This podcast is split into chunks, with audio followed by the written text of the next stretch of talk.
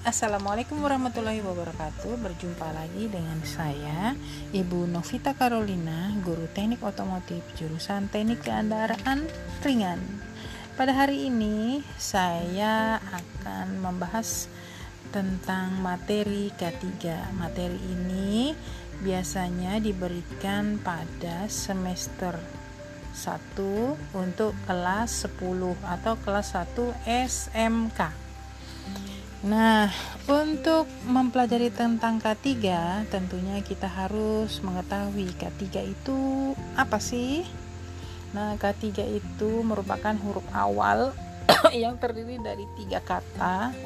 K yang pertama adalah keselamatan, K yang kedua kesehatan, K yang ketiga kerja. Jadi kalau dibaca secara panjangnya, K3 adalah keselamatan dan kesehatan kerja.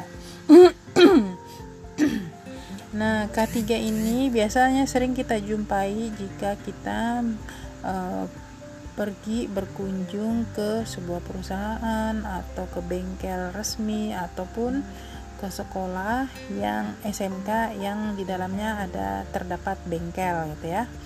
Nah, biasanya tertulis safety first. Keselamatan itu nomor satu katanya.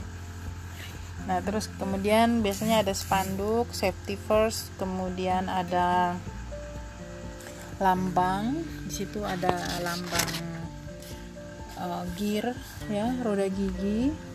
Kemudian dia warnanya hijau. Di dalamnya ada tanda plus gitu ya, silang plus gitu ya, plus warna putih, hijau. Nah, kemudian nanti tertulis di situ utamakan keselamatan atau enggak istri anda eh keluarga menunggu di rumah. Datang selamat pulang pun selamat. Begitu maksudnya ya? Oke. Uh, untuk memasuki materi ketiga kita harus mengetahui prinsip-prinsip keselamatan dan kesehatan kerja. Yang pertama kita harus memahami definisi K3. Kalau secara filosofi eh, bahwa K3 itu suatu pemikiran dan upaya untuk menjamin keutuhan dan kesempurnaan jasmani ataupun rohani, khususnya tenaga kerja dan manusia pada umumnya, serta hasil karya dan budaya menuju masyarakat adil dan makmur. Nah, kalau definisi menurut secara keilmuan, merupakan ilmu yang berguna untuk mengantisipasi. Jadi K3 itu adalah ilmu yang berguna untuk mengantisipasi, mengetahui, mengevaluasi dan mengontrol timbulnya bahaya di dalam atau dari tempat kerja yang dapat merusak kesehatan dan kesejahteraan pekerja maupun berdampak pada komunitas sekitarnya. Dan yang ketiga, definisi secara definisi K3 secara etimologi. Definisinya adalah suatu upaya perlindungan agar tenaga kerja selalu dalam keadaan se selamat, sehat, sehat saat melakukan pekerjaan di tempat kerja maupun bagi orang lain yang memasuki tempat kerja. Selain itu, perlindungan sumber dan proses produksi dimaksudkan agar dapat digunakan secara aman dan efisien dalam pemakaian. Nah, K3 ini uh, undang-undangnya apa, Bu? Oke, undang-undangnya itu ada namanya uh, Undang-Undang Nomor 1 Tahun 1970 tentang keselamatan kerja. Undang-undang ini yang nomor 1 dari tahun 70 itu merupakan induk undang-undang induk yang banyak dijadikan pertimbangan dasar hukum oleh peraturan perundangan lain di bawahnya. Nah, undang-undang keselamatan kerja digunakan untuk mencegah terjadinya kecelakaan kerja, menjamin suatu proses produksi berjalan teratur dan sesuai rencana, serta mengatur agar proses produksi tidak merugikan semua pihak. Jadi secara umum bahwa K3 itu sangat penting karena kita bekerja dan pekerjaan itu kita butuhkan dan kita harus tetap sehat. Kenapa? Karena memang kita membutuhkan sehat untuk dapat bekerja. Ada karena ada juga keluarga di rumah menunggu dan orang-orang yang tersayang. Oke. Nah, kita sudah tadi berbicara tentang dasar hukum, kemudian definisi dan kita masuk ke arti lambang dari K3. Tadi saya sudah mengatakan ada lambang palang, ada roda gigi, terus juga ada warna yang diartikan, warna hijau, warna putih, kemudian roda giginya itu berjumlah 11 gerigi. Nah, palang dilingkari. Jadi arti dari lambang K3 be, artinya terdapat di dalam keputusan Menteri Tenaga Kerja RI nomor 1135 garis miring men garis miring 1987 tentang bendera keselamatan dan kesehatan kerja. Nah, berikut penjelasannya. Kita bicara tentang bentuk K3. Bentuknya seperti ini. Dibayangkan ya. Palang dilingkari, beroda gigi 11, berwarna hijau, di atas warna dasar putih. Nah, artinya untuk palang mengandung makna bebas dari kecelakaan dan penyakit akibat kerja atau PAK. Kemudian eh, ada lambang roda gigi. Bekerja dengan kesegaran jasmani dan rohani. Jadi itu pentingnya roda gigi itu istilahnya eh, kuat, strong, Nah, supaya kuat dan strong itu identik dengan kesehatan jasmani dan rohani. Warna putih artinya bersih dan suci, kemudian ada warna hijau, selamat, sehat dan sejahtera. Kemudian jumlah giginya ada 11 11 bab dalam Undang-Undang Nomor 1 Tahun 1970 tentang keselamatan kerja. Ya, oh rupanya 11 itu artinya itu ya. Oke. Okay. Nah, bicara tentang K3, kita supaya tidak menyebar ke mana-mana terlalu luas, maka dia ada ruang lingkupnya. Ruang lingkupnya adalah uh, satu lingkungan kerja, di mana lokasi lingkungan kerja merupakan lokasi para pekerja melakukan aktivitas pekerjaan. Kondisi lingkungan kerja harus memadai, termasuk di antaranya adalah suhu atau keadaan suhu keadaan sekitar mereka bekerja terus ventilasi yang yang apa ya ventilasi yang mumpuni gitu ya. Jadi tidak terlalu pengap tidak juga terlalu apa tidak terlalu udara terlalu banyak masuk gitu ya. Kemudian cukup terang dan uh, situasinya sangat mendukung. Nah guna untuk meminimalisasi potensi terjadinya kecelakaan atau penyakit jadi bisa dibayangkan kalau kita bekerja di suatu ruangan yang cukup tertutup, kita pasti akan merasa kepanasan. Maka kemudian pekerjaan yang kita lakukan bisa jadi nanti menimbulkan stres ya.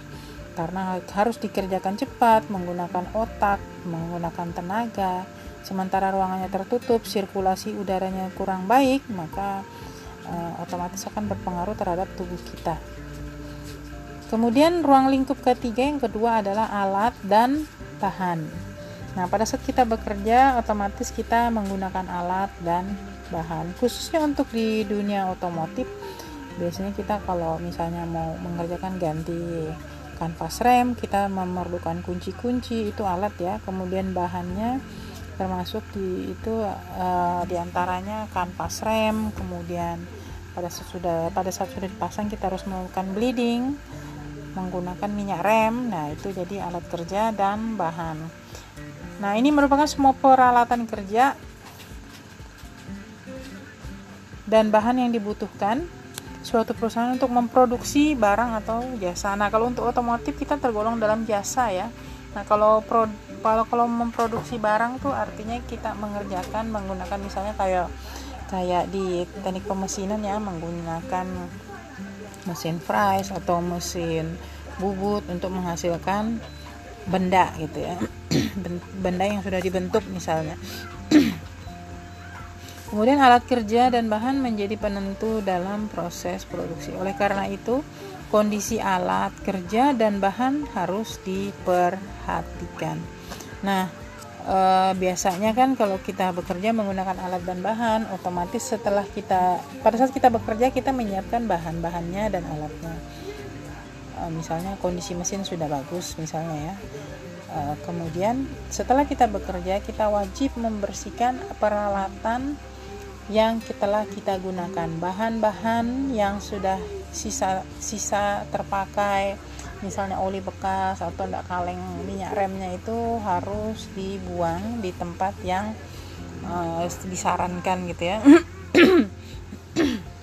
Kemudian ruang lingkup yang ketiga adalah metode kerja. Nah, pada saat kita bekerja, metode kerja merupakan standar kerja yang harus dilakukan oleh pekerja agar tujuan pekerjaan tersebut tercapai secara efektif dan efisien. Jadi kalau kita mau mengerjakan misalnya mengerjakan mengganti kanvas rem, kita harus menggunakan uh, cara kerja yang benar. Bagaimana caranya mendongkrak, bagaimana caranya memasang jack stand kemudian bagaimana cara melepaskan roda ya baru kemudian urutan-urutan membongkarnya nah kita harus menggunakan metode kerja yang benar. Makanya kalau belajar di teknik kendaraan ringan jadi kalau kita belajar teknik kendaraan ringan pasti uh, kalian akan mempelajari tata cara membongkar rem dengan baik dan benar. Kemudian itu tadi sudah ruang ring lingkup ketiga ada tiga. Yang pertama lingkungan kerja kemudian alat kerja dan bahan kemudian metode kerja nah bicara tentang ketiga pasti nanti ada hubungannya dengan rambu-rambu keselamatan atau safety sign. Nah safety sign ini biasanya kalau kita masuk ke bengkel itu ada seperti gambar-gambar gambar-gambar ajakan begitu ya ataupun informasi umum yang berguna untuk mengingatkan kita bahwa kita berada di sebuah bengkel harus penuh dengan kehati-hatian dan uh, kehati-hatian dan harus tetap memperhatikan gitu ya. Nah, di sini ada definisi bahwa rambu-rambu keselamatan adalah peralatan yang bermanfaat untuk membantu melindungi kesehatan dan keselamatan karyawan atau pengunjung yang sedang berada di tempat kerja jadi dia rambu-rambu tuh tahu kan rambu-rambu tanda-tanda atau gambar begitu ya yang sering dipasang di dinding misalnya dan itu harus uh, bisa menarik perhatian kita.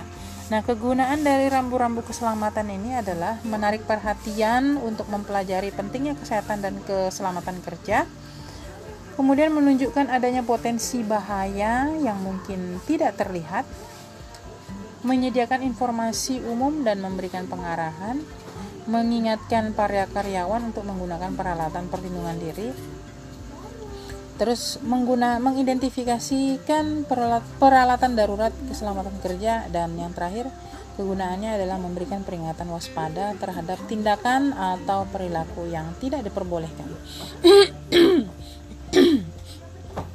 nah, rambu-rambu keselamatan kerja ini mempunyai landasan hukum selain Undang-Undang Nomor 1 Tahun 1970 di situ di pasal 14B dikatakan memasang dalam tempat kerja yang dipimpinnya semua gambar keselamatan kerja yang diwajibkan dan semua bahan pembinaan lainnya pada tempat-tempat yang mudah dilihat dan terbaca menurut petunjuk pegawai pengawas atau ahli keselamatan kerja.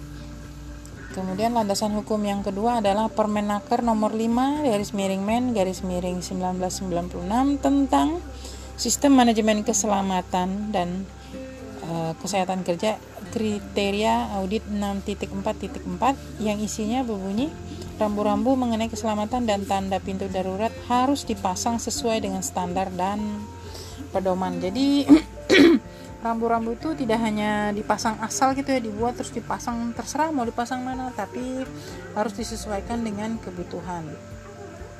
Gitu ya misalnya dari masuk ke bengkel kita harus memperhatikan dulu keadaan sekitar rambu apa yang pertama yang kita lihat. Misalnya yang pertama adalah dilarang merokok misalnya gitu ya. Ada gambar ada gambar puntung rokok yang sedang berasap kemudian ada lingkaran kemudian ada garis garis miring gitu ya artinya tandanya dilarang merokok.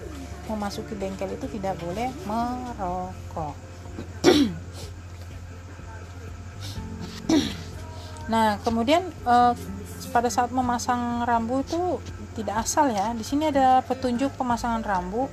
Syaratnya itu rambu-rambu harus terlihat jelas kondisi rambu-rambu dengan penerangan yang baik. Jadi rambu-rambu itu terpasang harus dengan cahaya yang jelas. Jadi selain dia membuat orang tertarik untuk membacanya dia juga harus ter, di tempat yang terang gitu ya.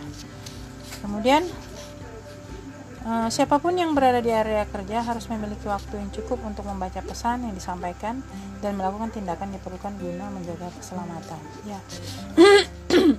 Jadi rambu-rambu itu selain menyampaikan pesan juga perlu ditekankan nanti kalau misalnya siswa nanti kelas 1 saya biasanya memberikan tugas coba buatkan eh, rambu-rambu uh, yang yang apa yang simple tapi makna pesan yang disampaikan itu benar cepat tepat gitu ya.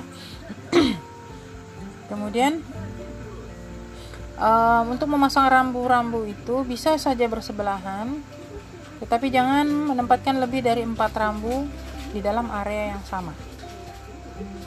Kemudian eh, pisahkan rambu-rambu yang tidak berhubungan. Dan selanjutnya pastikan bahwa rambu-rambu pengarah terlihat dari semua arah, termasuk panah arah pada rambu keluar di saat arah tidak jelas dan menginginkan. Rambu arah arus ditempatkan secara berurutan sehingga rute yang dilalui selalu jelas jadi rambu-rambu itu pada saat kita masuk ke bengkel itu diusahakan rambu itu secara berurutan kita lihat gitu ya. Nah, tidak sembarangan dan tidak menumpuk. Kemudian eh, jangan memasang rambu yang maknanya ber, berbeda gitu berbelakangan. Harus yang ada hubungannya gitu ya. Rambu-rambu yang di atas harus berjarak 2,2 meter dari lantai. nah, kita masuk dalam alat pelindung diri. Jadi kalau berbicara tentang K3, kita juga harus membicarakan tentang APD, alat pelindung diri. Nah, kalau APD itu pasti teringat ada helm, ada life jacket, eh life jacket, ada jaket, jaket itu ya bukan jaket kulit, jaket untuk gaya bukan jadi ada jaket tipis biasanya berwarna oranye atau hijau pupus. Kemudian diberikan spotlight itu kan. Jadi kalau misalnya dia berada di tempat gelap ataupun cahaya kurang maka spotlight itu akan memberikan apa mengeluarkan cahaya gitu ya. Ketika dia disenter atau berada di tempat kurang terang uh, jadi di, di, didefinisikan bahwa alat pelindung diri atau APD adalah seperangkat alat yang digunakan oleh tenaga kerja untuk melindungi seluruh atau sebagian tubuh terhadap kemungkinan adanya potensi. Jadi kalau saya pernah melakukan monitoring ke Malinau ataupun ke Semenggaris gitu ya, uh, pasti kalau datang ke perusahaan itu pasti kita diberikan induksi dulu. Induksi itu istilah apa ya? Kalau jadi ada perusahaan kalau ada orang luar yang belum pernah datang ke sana bahkan orang yang sudah bekerja di situ juga wajib diberi induksi terlebih dahulu. Induksi itu induksi itu merupakan kegiatan yang diberikan biasanya bagian apa ya itu bagian keselamatan kalau nggak salah ya atau HRD uh, eh, yang memberikan materi-materi meskipun tuh sudah pernah diterima diberikan materi lagi disegarkan lagi gitu kan biasanya kalau orang pulang cuti dua bulan atau sembilan tuh dia wajib diinduksi lagi untuk menyegarkan ingatannya atau mengingatkan kembali atau membangkitkan kembali kewaspadaan bahwa dia sedang berada di tempat kerja. Nah, biasanya kita di induksi itu uh, diberikan pengetahuan bahwa daerah ini uh, tambang apa gitu ya. Kemudian wajib memakai APD terus kalau mengunjungi tempat ini harus begini harus begini dan seterusnya. Termasuk uh, mengambil gambar juga mungkin dibicarakan itu. Nah kemudian kemudian uh, bicara tentang APD biasanya kita ada helm ya helm merupakan bagian dari alat pelindung kepala. Kemudian ada pelindung wajah ada di sini face shield ada kacamata. Kemudian ada alat pelindung telinga. Alat pelindung telinga ada namanya air plug sama air muff. Bedanya air plug air plug itu merupakan sumber telinga gitu ya yang langsung nutup ke lubang telinga. Kemudian kalau air muff itu dia seperti uh, apa itu? Kalau kita mendengar melihat orang yang sering melakukan si kalau kita melihat um, melihat di video atau di YouTube siaran podcastnya Deddy Corbuzier itu kan biasanya dia memakai yang itu yang ditaruh di telinga. Nah itu namanya air muff. Beda dengan air plug ya. Nah kegunaan dari air plug ini ada hubungannya dengan uh, ada hubungannya dengan tingkat kebisingan yang ada di tempat kerja. Kemudian ada juga alat, pelindung tangan dan kaki. Otomatis ada sarung tangan dan sarung tangan pun ada bermacam-macam. Kemudian alas kaki juga bermacam-macam gitu ya khususnya dia terbuat dari apa? Karena pernah saya membeli membeli safety shoes itu tidak tahu itu mau dibilang apa ya. KW-KW kali. Jadi gak sengaja keinjak oli gitu ya. Akhirnya dia punya sol sepatunya itu malah anu apa? Uh, kayak lenyut gitu ya. Lenyut tuh gimana ya? Mau dibilang mencair terlalu ekstrim pokoknya dia berubah gitu ya.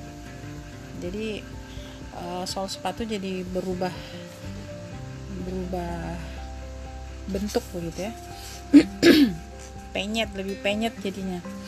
Nah kemudian uh, di situ ada ya ada pakaian pelindung atau wear pack wear pack merupakan pakaian khusus yang dipakai oleh orang-orang yang memiliki resiko pekerjaan tinggi. Model pakaian ini umumnya menutupi leher hingga mata kaki dan mengamankan seluruh tubuh. Nah, kalau wear pack biasanya dipakai di teknik otomotif. Terus kalau ada tadi ini kan untuk mengaman menutupi leher hingga oke. Okay. ya jadi wear pack itu dia kayak celana sama baju dijadikan satu. Jadi kalau pakai itu harus buka bagian resleting bagian depan terus langsung kita masukkan kaki terus pasang ke badan masukkan lengan ke tangan kita ke lengan bajunya gitu kan langsung di strap tarik ke atas resletingnya jadi dia jadi satu ya bukan terpisah antara celana dengan baju kemudian ada safety harness. Safety harness ini merupakan sabuk keselamatan yang wajib digunakan pada saat berhadapan dengan ketinggian. Udah pernah yang ngeliat ya kalau ada orang uh, lagi kerja memperbaiki apa yang di tiang listrik itu mereka biasanya memakai safety harness. Nah kemudian ada safety belt Safety belt hanya mengikat pada bagian pinggang saja. Alat pelindung diri ini digunakan jika risiko jatuh ketinggiannya minim. Hal ini hal ini dikembalikan dengan safety berkebalikan dengan safety harness. Nah, kalau safety harness ini ini eh, jadi ada dia full body, ada yang non full gitu ya. Nah, full body wajib digunakan untuk di tempat tinggi yang rawan terjatuh supaya fungsinya dapat dirasakan secara maksimal. Umumnya, penggunaan harness ini juga dilengkapi dengan berbagai peralatan seperti discander, rope clamp, dan karabiner. Jadi, ini biasanya saya dengar uh, istilah discander, rope clamp, dan karabiner. Rope clamp dan karabiner ini uh, biasanya digunakan untuk orang-orang yang pemanjat tebing gitu ya, pencinta alam gitu ya jadi harness dipasang kemudian kalau kita mau naik malas memanjat batu kita pakai askender namanya ya. Naik alatnya seret di, jadi alat itu dipasang di tali sepanjang tali satu biji begitu mau diangkat kita dorong saja alat itu ke atas yang nanti kalau kita tarik ke bawah dia mengunci itu itu namanya askender.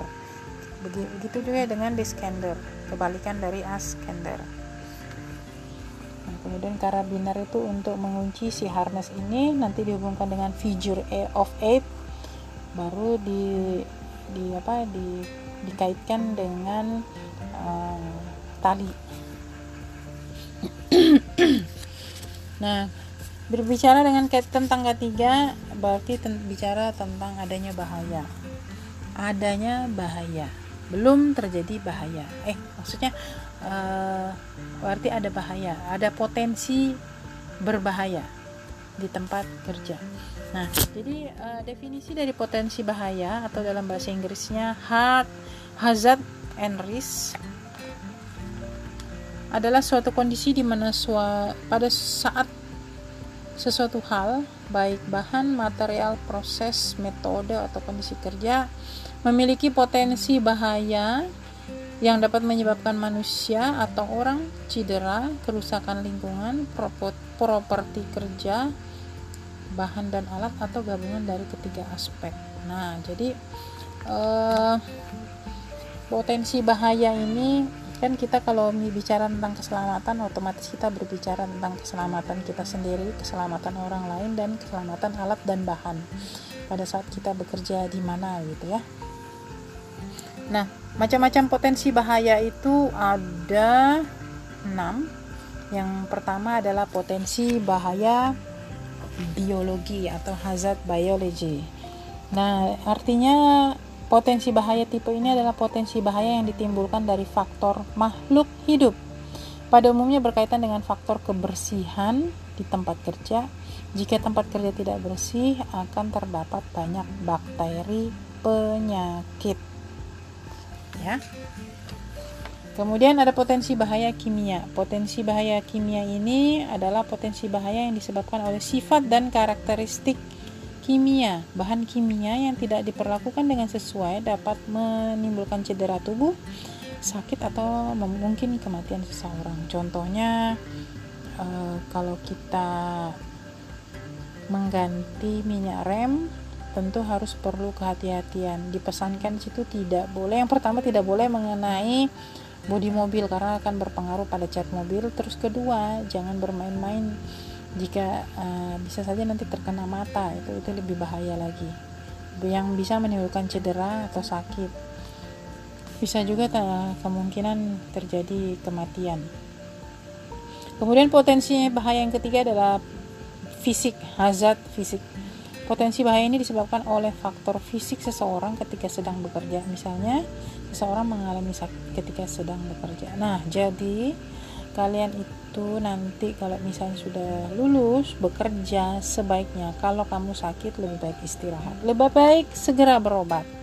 Jangan memaksakan diri untuk bekerja. Bisa jadi nanti kalau sakit bisa jadi produktivitas kita jadi uh, turun ya misalnya kita harus berpikir ini berapa diameternya mengukur atau bagaimana? Mungkin karena sakit kepala atau ngantuk atau pusing.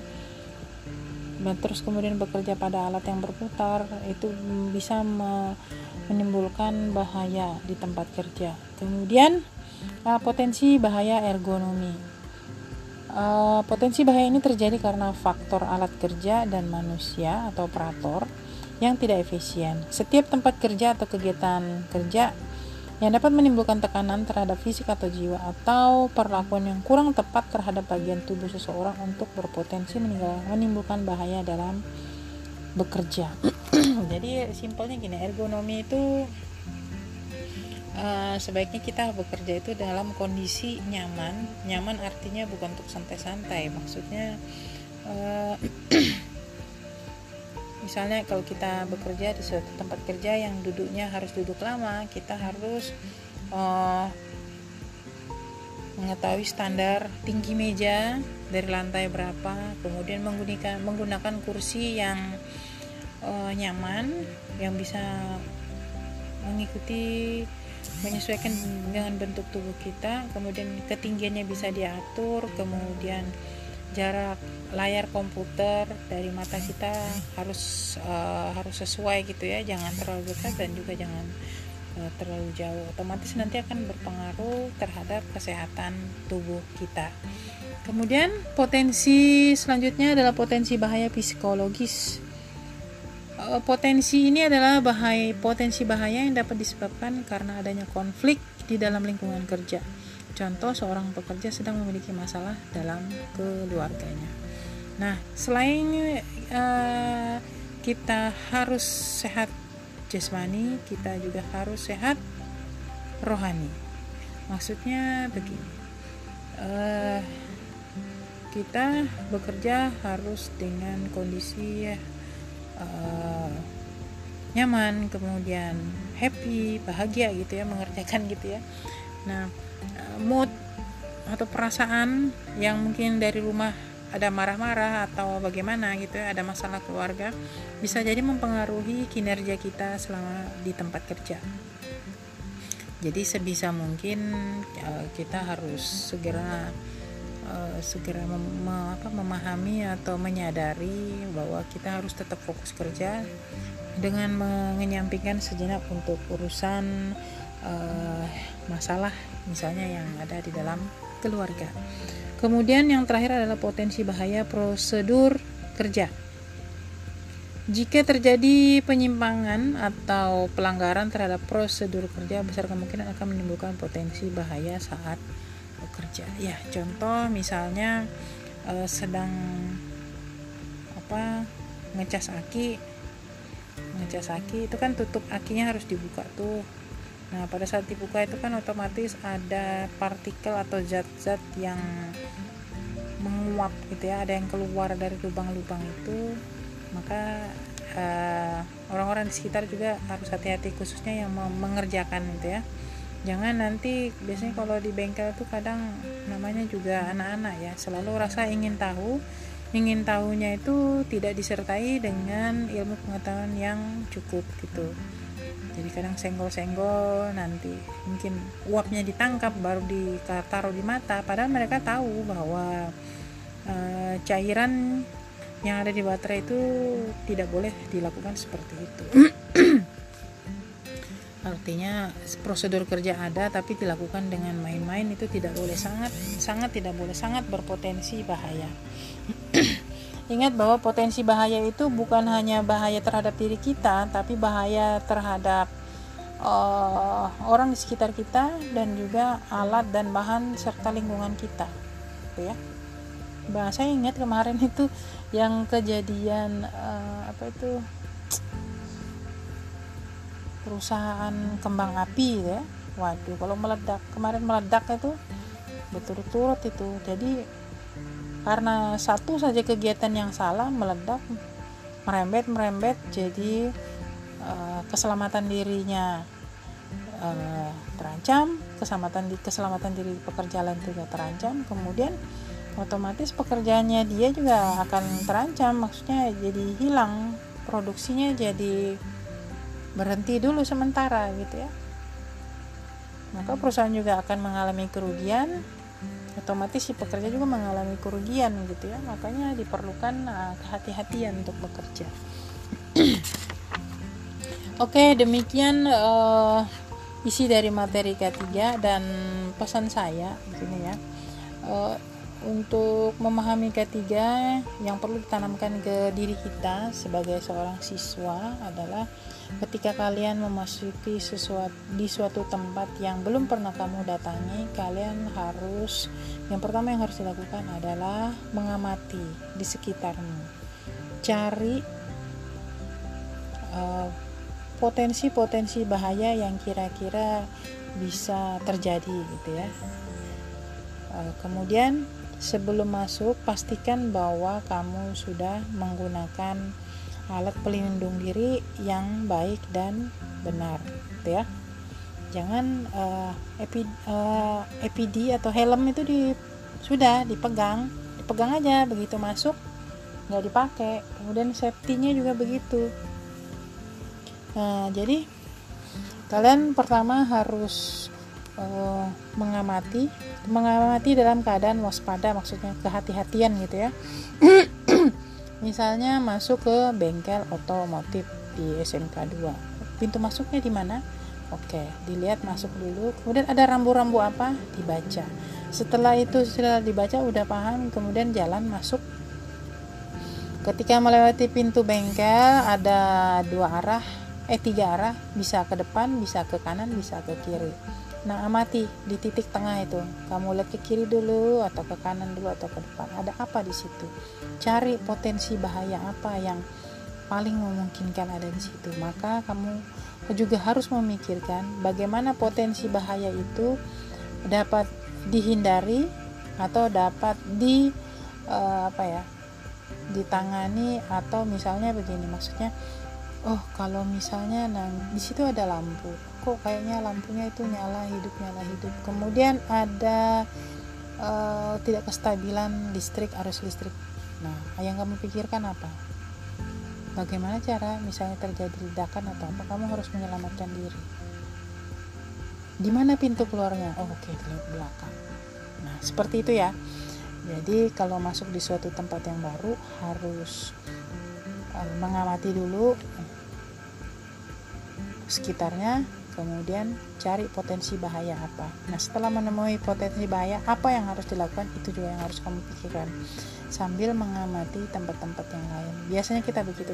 Dan tidak hanya di bengkel dan ke mana pun kamu pergi misalnya pergi ke hotel atau pergi ke pasar atau pergi ke mana ya misalnya melakukan kunjungan kerja atau melakukan kunjungan industri ke bengkel resmi misalnya ke Toyota kamu harus memperhatikan gitu ya oke uh, demikian penyampaian saya tentang materi K3 yang biasanya akan saya sampaikan di awal semester gitu ya untuk pelajaran uh, teknologi dasar otomotif. Jika ada pertanyaan, silakan tanyakan ke saya atau bisa didiskusikan nanti pada saat kita ketemu belajar ya, belajar yang langsung tatap muka langsung gitu ya. Untuk sementara ini kan kita masih belajar pembelajaran jarak jauh atau PJJ nah salah satu medianya saya menggunakan podcast ini.